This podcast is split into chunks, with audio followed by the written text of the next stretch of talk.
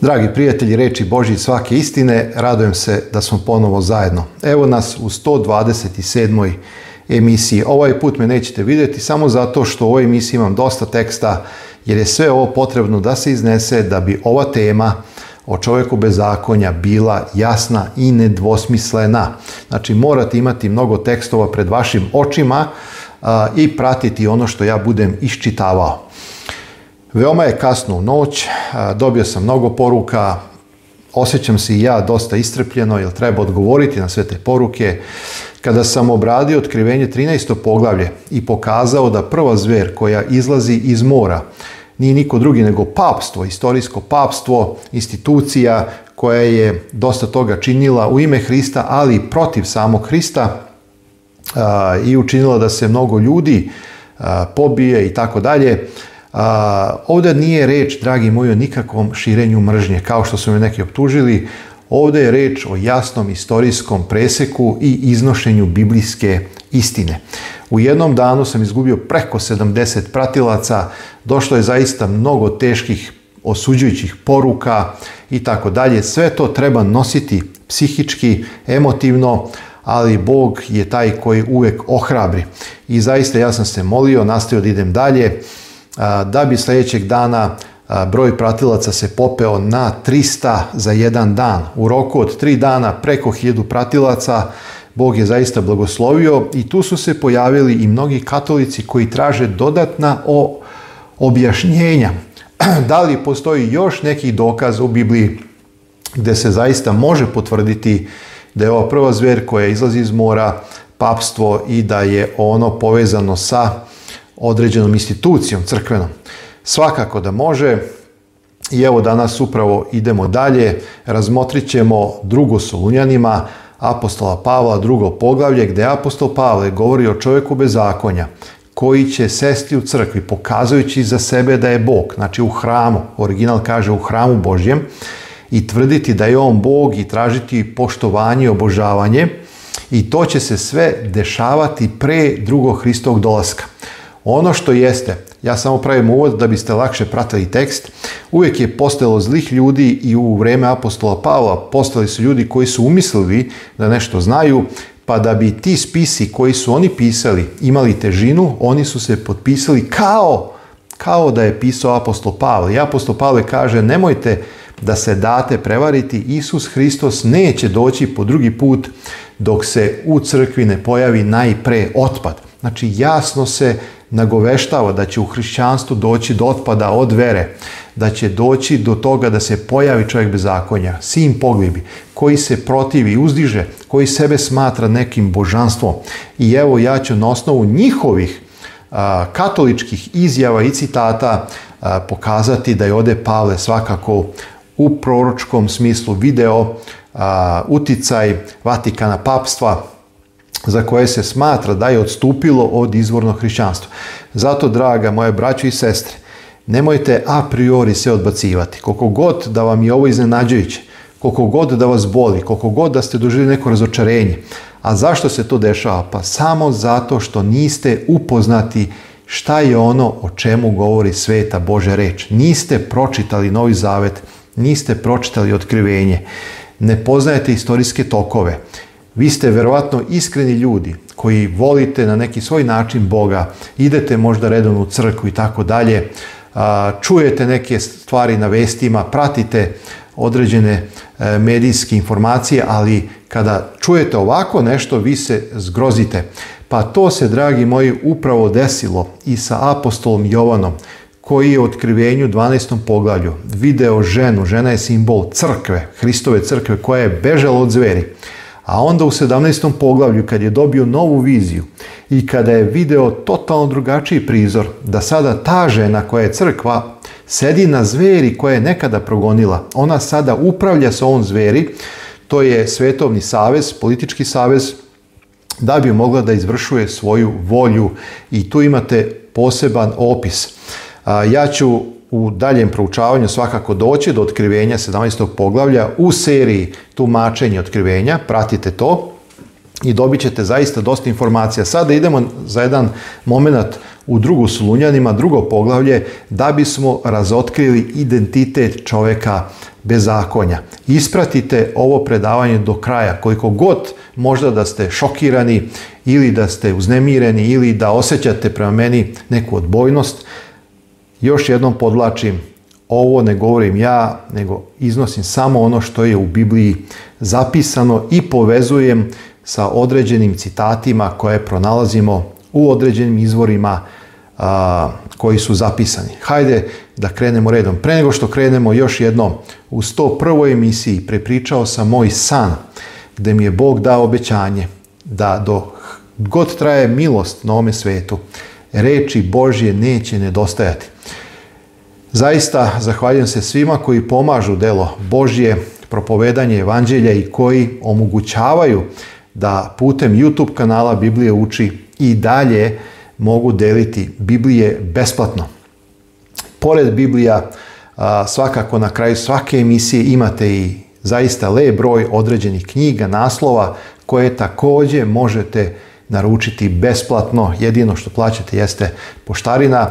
Za inostranstvo je malo drugačija priča. Zaista poštarina do 500 grama je negdje oko 6 eura. Poštarina do kilogram je negdje oko 1600, znači oko 16 eura i tako dalje. I što je paket teži, poštarina je sve veća.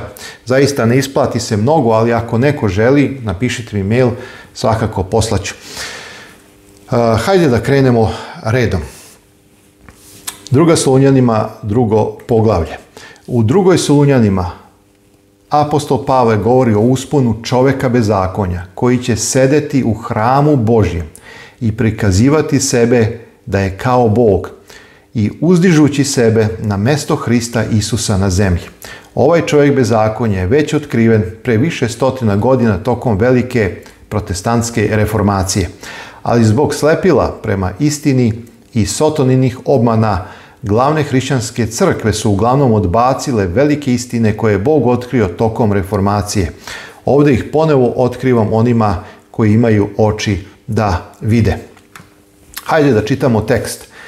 Ne dajte se nikome da vas zavede. Ni na koji način, jer taj dan neće doći dok prvo ne dođe otpad i ne otkrije se čovjek bez zakonja sin poglibi, koji se protivi i uzvisuje iznad svega što se naziva Bog ili se obožava, tako što će sesti u Božjem hramu prikazivajući se kao Bog. Znači, vrlo jasan tekst kaže, da ga prepričamo, Isus Hristos se neće vratiti po drugi put na ovaj svet da spase svoj narod, dok se u hrišćanskoj crkvi ne javi najpre otpad od vere i dok se ne otkrije čovjek bez Znači on treba da se otkrije, on sedi, on treba da se razotkrije, treba da se upre prsti, da se kaže ovo je čovjek bez zakonja. Znači ja verujem duboko da u ovom trenutku ispunjavam Božju volju jer otkrivam svima onima koji nisu o tome razmišljali, koji ne znaju da ne bi bili prevareni jer vidjet ćete kasnije koliko snažno Bog poziva svoj narod, znači u svim crkvama, u katoličkoj, pravoslavnoj, svim protestantskim crkvama, Bog ima svoj narod i on kaže izađite iz tog sistema Babilona, izađite narode moj. Znači, ostatak će se spasiti. Taj ostatak obradio sam u otkrivenju 12. poglavlju 17. stihu i uskoro ćemo u 14. poglavlju eh, eh, također govoriti o tom ostatku koji se neće pokloniti zveri, ni ikoni njezinoj, koji neće primiti žig, taj ostatak isključivo ima biblijsku veru. On veruje u Isusa Hrista, ima Hristovu veru i, i, on drži zapovesti Božje. To je sve što je potrebno za spasenje. Boga se boji i zapovesti njegove drži, jer je to sve čoveku. Znači, Isus Hristos je naš spasitelj. Bez Isusa Hrista mi ne možemo doći ocu. Zato Isus kaže, ja sam put, istina i život i niko ne može doći ocu nego do Ne kroz papstvo, ne kroz crku, ne kroz bilo koji drugi religijski sistem, jedino kroz Hrista. Spasenje je osoba, spasenje je Hristos i mimo njega ne može čovjek. Čovjek ne može da se spasi dobrim delima, čovjek ne može da se spasi nekim zaslugama, čovjek se isključivo spašava verom u Hrista a zdrava vera u Hrista će kao za posljedicu imati dobra dela koja su povezana sa ispunjenjem Božjih zapovesti. To ne znači legalizam, to je odraz Bože e, ljubavi čovjeka prema Bogu, jer zapovesti njegove nisu teške. Ljubavi, izvršenje zakona i tako dalje. Ajde sad idemo redom. Prikazujući se kao Bog, znači on će šta? da se naziva Bog ili se obožava tako da će sesti u Božjem hramu prikazujući se kao Bog. Zapazite tekstove apostola Pavla, su pročki tekstovi i mi ćemo ih uskoro povezati sa određenim citatima. Šta sada znači sedeti u hramu Božjem prikazujući sebe kao Boga? Pa na osnovu vrema poslanice 8. i 9. poglavlja postoji zemaljski hram šatro za koji je Bog dao upustva Mojsiju da ga napravi u starom zavetu Znači ovdje je reč o nebeskom hramu. Nekada je Mojsije dobio viziju, Bog mu je pokazao kako da napravi određene stvari po kopiji izvornog hrama na nebu, gdje Jehova ili Bog prebiva. Hajde sada da saznamo kako izgleda Boži prestoj svetinje koje je Mojsije napravio. U drugoj Mojsije u 25. poglavlju tekst kaže napravi poklopac od čistoga zlata, dva i po lakta dug i lakat i po širok napravi dva anđela od kovanog zlata na oba kraja poklopca. Jednog hirovima napravi na jednom kraju, a drugog hirovima na drugom kraju. Na poklopcu napravi hirovime na oba kraja. Ovo je opis predmeta u najsvetije mjestu svetinje. Imamo sedište milosti koje predstavlja Boži presto. Sa obe strane Božeg prestola su dva zlatna hirovima. Zapamtite, ovo je kopija stvarnog prestola Boga na nebu. Na nebu Bog ima dva živa hjerovima sa obe strane svog prestola. I Jezekij potvrđuje da je Lucifer nekada bio jedan od hjerovima zaklanjača. Psalam 99.1 kaže Gospod caruje, neka narodi drhte, on sedi nad hirovima, neka se zemlja trese. I otkrivenje 20.11 kaže, video sam veliki beli presto. Obratite pažnju, veliki beli presto. Na njemu onoga koji sedi. Pred njim su pobegli zemlji i nebo i za njih se više nije našlo mesta. Znači imamo dva Herovima i imamo veliki beli presto. Šta je danas hram? Vi znate da je hrišćanstvo bilo proganjano. Hrišćanstvo sve do Konstantina nije imalo svoje hramove. Hrišćani su živjeli po katakombama ili po nekim skrivenim mestima, zato što su rimski imperatori bacali hrišćane lavovima, proganjali. Tek za vrijeme cara Konstantina i dalje hrišćanstvo postaje državna religija. Tada hrišćani počinju da grade hramove i tako je. Međutim, na osnovu Novog Zaveta ti i ja smo hram Duha Svetoga. Bog Duhom Svetim prebiva u nama. Otac i Sin su se Duhom Svetim uselili u nas, tako nam govori Sveta Bože reč. Ajde da čitamo neke tekstove. Dela apostolska ipak svevišnji ne prebiva u građevinama koje su sagrađene rukama kao što govori prorok. Ili prvo korinčanima, zar ne znate da ste vi Boži hram i da Boži duh prebiva u vama? Vi ste naos, vi ste taj hram, grčka reč naos, gdje duh prebiva. Drugo Korinčanima 6.16 kaže i kako se hram Boži slaže sa idolima, jer vi ste hram živoga Boga. Kao što je Bog rekao, uselit ću se u njih i hodat ću među njima i bit ću njihov Bog, a oni će biti moj narod. I evo apostol Petar, i vi ste kao živo kamenje ugrađeni u duhovni hram da biste bili sveto sveštenstvo, kako biste prinosili duhovne žrtve ugodne Bogu kroz Isusa Hrista. Ovu jednostavnu istinu mnogi predviđaju danas, dragi moji. Mnogi posećuju određene hramove, zgrade, građevine od, od, od betona, od cigle i kaže evo bio sam u Božjem hramu. Da, to su kuće Božje u smislu građevine, ali Novi Zavet nas uči da se Duh Sveti uselio u tebe u mene. Mi smo hram Duha Svetoga. Kada tražimo tog čovjeka bez zakonja, ne treba tražiti nekog ko sedi u obnovljenom hramu u Izraelu. Ne.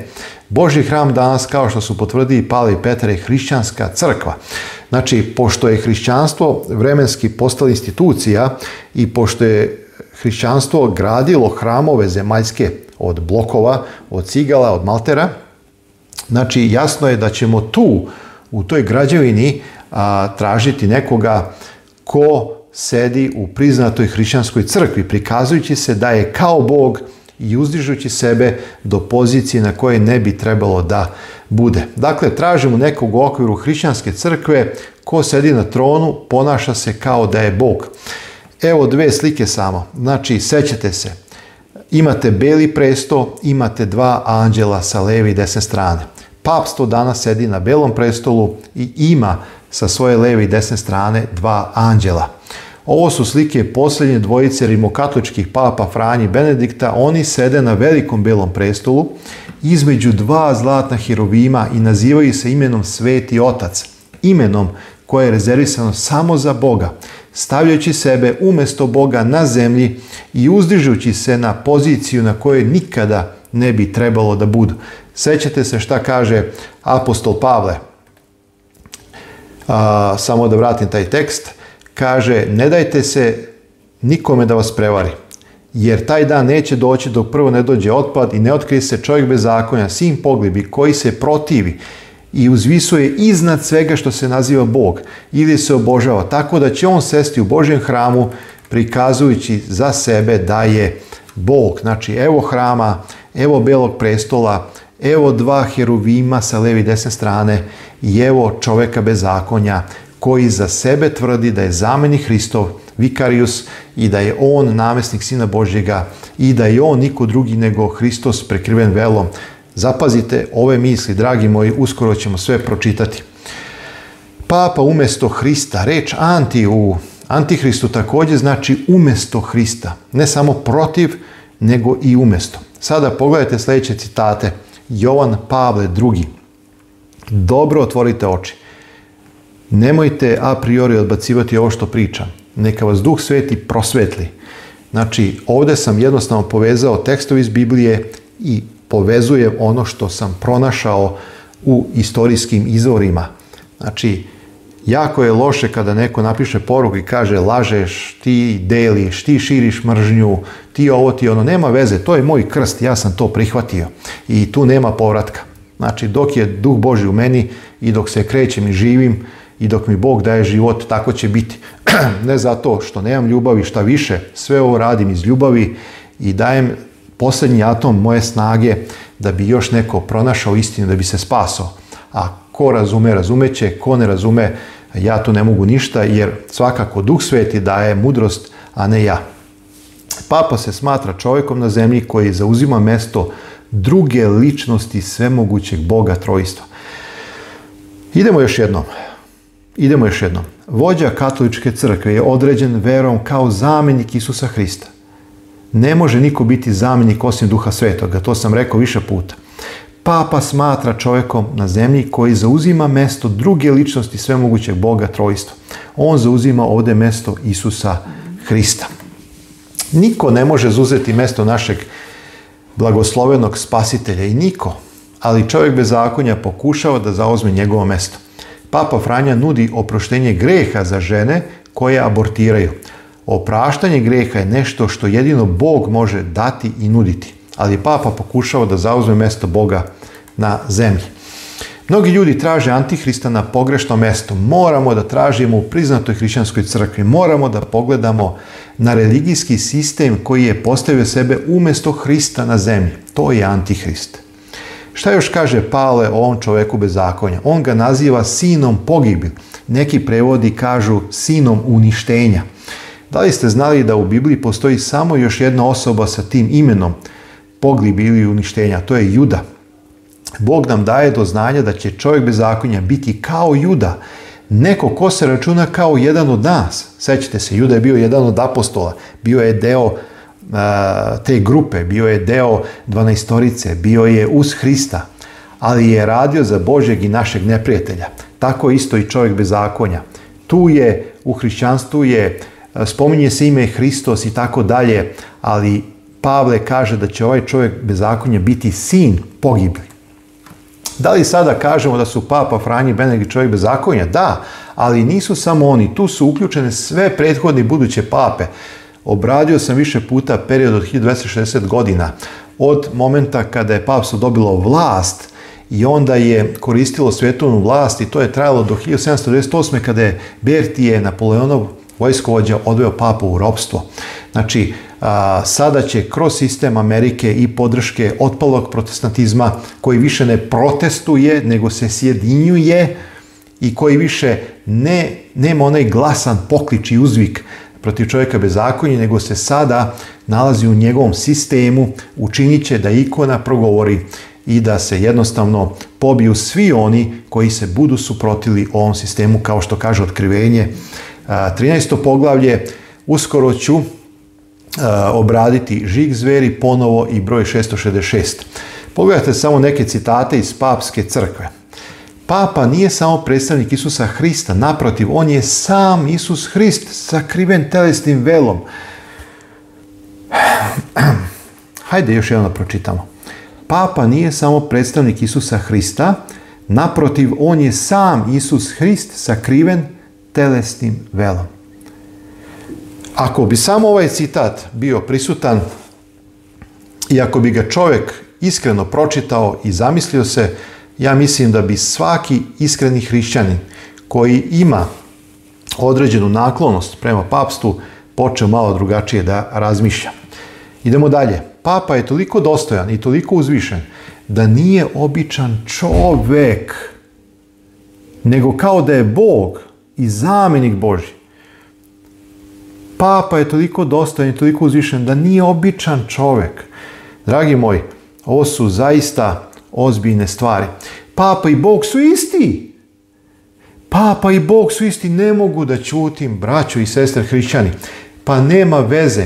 Ako bude deset osoba koji će se spasiti, deset osoba kojima će Duh Sveti otvoriti oči, ja sam izvršio svoju misiju u Hristovo ime. Dragi moji, nema veze za poruke, nema veze za vređenje, nema veze za osude, nema veze za taj teški krst i to breme, ali ovo je istina i ovo moraju shvatiti ljudi.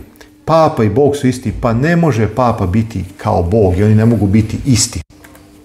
Sam spasitelj je vrata toru. Ja sam vrata ovcama. U ovo stadu Isusa Hrista jedan čovjek ne može ući ako ga ne vodi suvereni papa. I samo ako budu ujedinjeni sa njim. Pa gdje je ovdje Hristos? Ljudi mogu biti spašeni. Pa Biblija nas poziva da budemo ujedinjeni sa Hristom. Biblija nam otkriva da je Isus naš spasitelj. On je vratak Toru. Mi smo njegove ovce, Hristove, ne papine. Jer je rimski papa zamjenik Hriste, njegov lični predstavnik na zemlji. Nikada neće on biti njegov zamjenik, jer zamjenik Isusa Hriste, njegov lični predstavnik je Duh Sveti, treća osoba božanstva. Samo jedna digresija. Zapazite kad je ovaj govor 1958. On se obraća u propovedi biskupima u vreme njegovog krunisanja. Dragi moji, i to ljudi prihvataju. Samo zato, eto zato ljudi se bore da Biblija ne bude ona koja će biti u rukama običnog naroda. Zato će se ljudi boriti i dalje da se ukine sloboda veroispovesti. Zato će jednoga dana i ovaj kanal ugasiti. I ugasit će mnoge druge YouTube kanale gdje se propoveda slična vest i mnoge sajtove na kojima piše određena vest ovog profila, zatvorit će nam usta i pokušati da učutkaju sve one koji razotkrivaju čovjeka zakonja. Jer tamo kaže najpre dok se ne otkrije čovjek zakonja, tada će doći Isus po drugi put. Isus Krist nam je rekao da nikoga na zemlji ne zovemo našim ocem, duhovni otac, jel tako? Jer imamo samo jednog oca koji je na, na nebu. Papstvo kaže zovite papu svetim ocem. Isus Hrist kaže da se spasenje pronalazi jedino kroz njega. Papstvo kaže da se spasenje dobija jedino kroz rimokatoličku crku. Isus Hrist nam je rekao preko Jeremije da ne nudimo darov ili obožavanje kraljici neba. Papstvo postiče slebenike na molitve i prinosi obožavanje kraljice neba. U pitanju rimokatolička Marija. Ova Marija nema nikakve veze s Isusom majkom, jer Isusova majka je žena koju je Bog izabrao da preko nje Isuse u telovi i rodi. Bog je večan, Bog nema majku, ali jednostavno crkva je od Marije napravila kult i jednostavno mnogi ljudi će, dragi moji, mnogi ljudi će biti prevareni. Nema potrebe majka da umilostivljava Hrista, Hristos je dovoljno milosti. Nema potrebe da se ona moli za nas. Hristos se moli za nas pred licem očevim i o tome govori vrema poslanica. Čitajte Bibliju, braćo i sestre, da biste stekli biblijski um i da bi bili sačuvani od svake laži, od svake prevare. Prijatelji, Biblija otkriva jasno istinu o tome ko je antihrist umjesto Hrista. Svi protestantski reformatori su znali istinu o čovjeku zakonja biblijskom antihristu. Da, ovo je nepopularno učenje, ali to je istina. Ja ne želim da budem popularan. Ako bi trebao da imam i 50 pratilaca, nek imam 50, ali znam da su ti 50 učvršćeni, utemeljeni u istini, koji ne mogu da se saviju pred nikakvim Vavilonom i koji će čvrsto stojati kao Sedrah, Misah i Advenago pred zlatim kipom, bez obzira što se tamo žarka peć, bez obzira što ih čeka smrtna kazna, oni su čvrsti kao jablanovi, jer se uzdaju u Boga svemogućega, koji će izbaviti narod svoj. I ako odlučimo da se odreknemo istine samo zato što će nas učiniti nepopularnima, onda se mi zapravo odričemo Isusa Hrista. Isus Hristos je bio odbačen, dragi moji. Isus Hristos je bio apsolutna ljubav, apsolutna istina, apsolutan život. Nikome nije učinio zla. On je voleo čoveka ljubavlju večnom. I šta se desilo sa Hristom?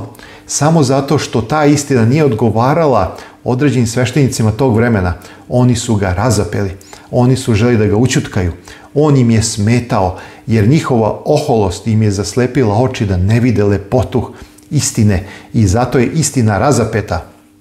I zato čitajte otkrivenje, pratite ono što propovedam jer će se istorija ponoviti pred sam Hristu dozak, ali će se ispuniti obećanje da će se podignuti Mihajlo, Isus naš gospod koji će doći izbaviti narod svoj i ljudi koji su progonili će bežati po planinama i pećinama gorskim govoriti padnite na nas i sakrite nas od lica onoga koji dolazi da sudi. Ljudi će bežati, ali narod Boži će biti zaštićen prstenom svetlosti, obručem sile Božje i neće mu više pasti ni dlaka sa glave. Dragi moji, Bog će odbraniti, samo ostanite verni. Budite sa Hristom, bez obzira na cenu. Sotona priprema veliku obmanu za posljednje dane. Molim vas, Tražite istinu i živite po njoj. Živimo u opasnim vremenima. Dragi prijatelji, braću i sestre hrišćani, veče je kasno. Ostaću u samoći svoje sobe da se molim Bogu da se što više ljudi odazove Božjem pozivu upućenom svima koji se još uvijek nalaze u duhovnom Vavilonu. Bludnice koja je otrovnim vinom kurvarstva laže nauke napojila sve narode. Hajde da čitamo. I žena beše obučena u porfiru i skelet, nakićena zlatom i kamenjem dragim i biserom, imaše čašu u ruci svoju punu mrzosti i pogaštine kurvarstva svojega. Ja ću uskoro doći do 17. poglavlja, tada ćemo malo detaljnije i jasnije sve ovo obraditi, ali samo da pročitamo. I na čelu njezino napisano ime je tajna Vavilon veliki mati kurvama i mrzostima zemaljskim. Ovdje i um koji ima mudrost, sedam glava, to su sedam gora na kojima žena sedi. Hajde da pročitamo Božju opomenu ljubavi. Ovo je Božja opomena ljubavi.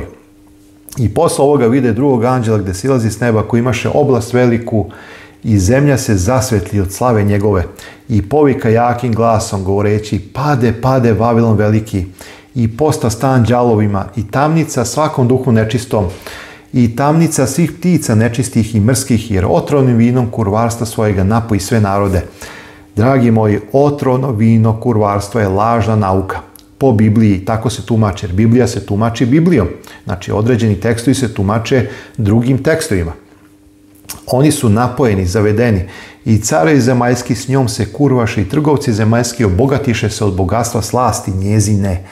I ču glas drugi s neba koji govori izađite iz nje narode moj. Znači Bog ima narod u svim crkvama ali sve crkve, većina hrišćanskih crkava su ušle u save sa Vavilonom, koji će uskoro pasti. Pade, pade Vavilon. I nemojte da se pomješate u grehe njene i da vam ne naude zla njezina, jer gresi njezini dopreše tja do neba i Bog se opomenu nepravde njene. Ja se molim večeras da mnogi ljudi čuju glas Duha Svetoga, da otvore reč Božju, da istražuju i da budu zaštićeni na vreme, da ne budu uvedeni i da ne budu deo Vavilona koji će uskoro pasti. Neka vas dragi Bog vodi, a ja verujem da sa istinom i jedino istinom možemo uzdići i proslaviti naše gospode Isusa Hrista. Svako vam dobro želim. Vidimo se uskoro.